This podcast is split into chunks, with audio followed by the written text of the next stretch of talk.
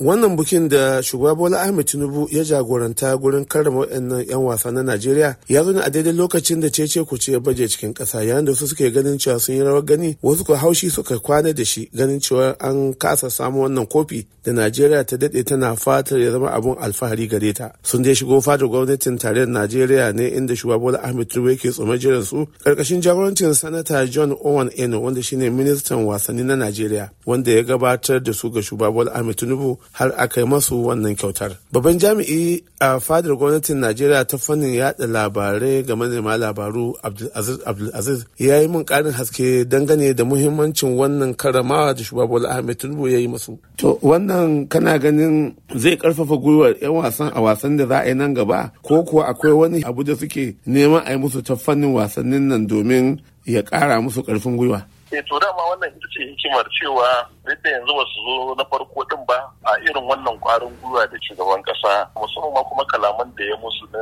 alfahari da ƙasar su da kuma ci gaba da jajircewa domin bautawa Najeriya da kuma sa ta alfahari ba muna tsarin cewa abu ne da zai karfafe su a nan gaba ya zama cewa idan wata gasar ta taso su yi abin da ya dace kuma su da kansu sun yi alkawarin wato yin ƙoƙari fiye da wannan karo na gaba. A waje ɗaya wani kusa a tsare-tsaren ƙwallo na Najeriya wato Malam Nasiru Zaharuddin ya bayyana mun cewar ya kamata a ce inda Najeriya ta yi abin da ya kamata to a ciwo wannan kofin. kuma ya ce yana da kunci yadda aka gudanar da ƙwallon har ma ya ga kasawa 'yan Najeriya inda yake cewa. 'Yan Cote d'Ivoire suna na uku ne ba Allah ya taimake su aka saka su suka ci gaba da tafiya. To da suka zo na ƙarshen nan tun da aka fara wasan kai ka tabbata mutanen nan 'yan Cote d'Ivoire sun zo ne da kowacewa suna so su ci wasan nan. Su kuma 'yan Najeriya kawai suka ci gaba da wasan su yadda suka saba yi. Su je su ci ƙwallo ɗaya su dawo kuma su rufe gida. Su kuma waɗannan suna da yunwa cin ƙwallon. A ƙasar su ake a gaban 'yan kallon su ake yi. Wancan karan da suka yi wasa aka ci su a gidansu ba ta musu kyau ba. Saboda ba irin jifan da ba musu ba da zagin da ba musu ba. Saboda kaga akwai irin wannan ya kamata a ce shi coach na Najeriya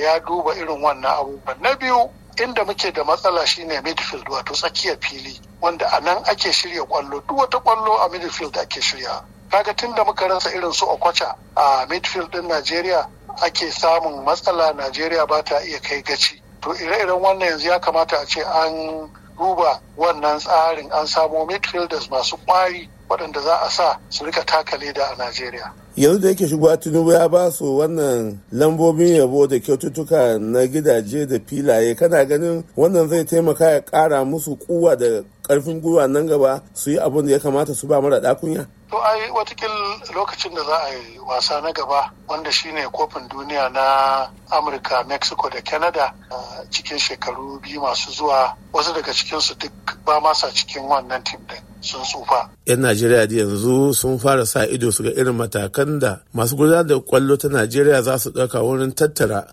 kwararru da zaɓuɓɓuran 'yan wasan ƙwallo wanda za su wakilci najeriya a ƙwallon duniya da za a yi a shekaru biyu masu zuwa. Umar faruk musa amurka a abuja najeriya.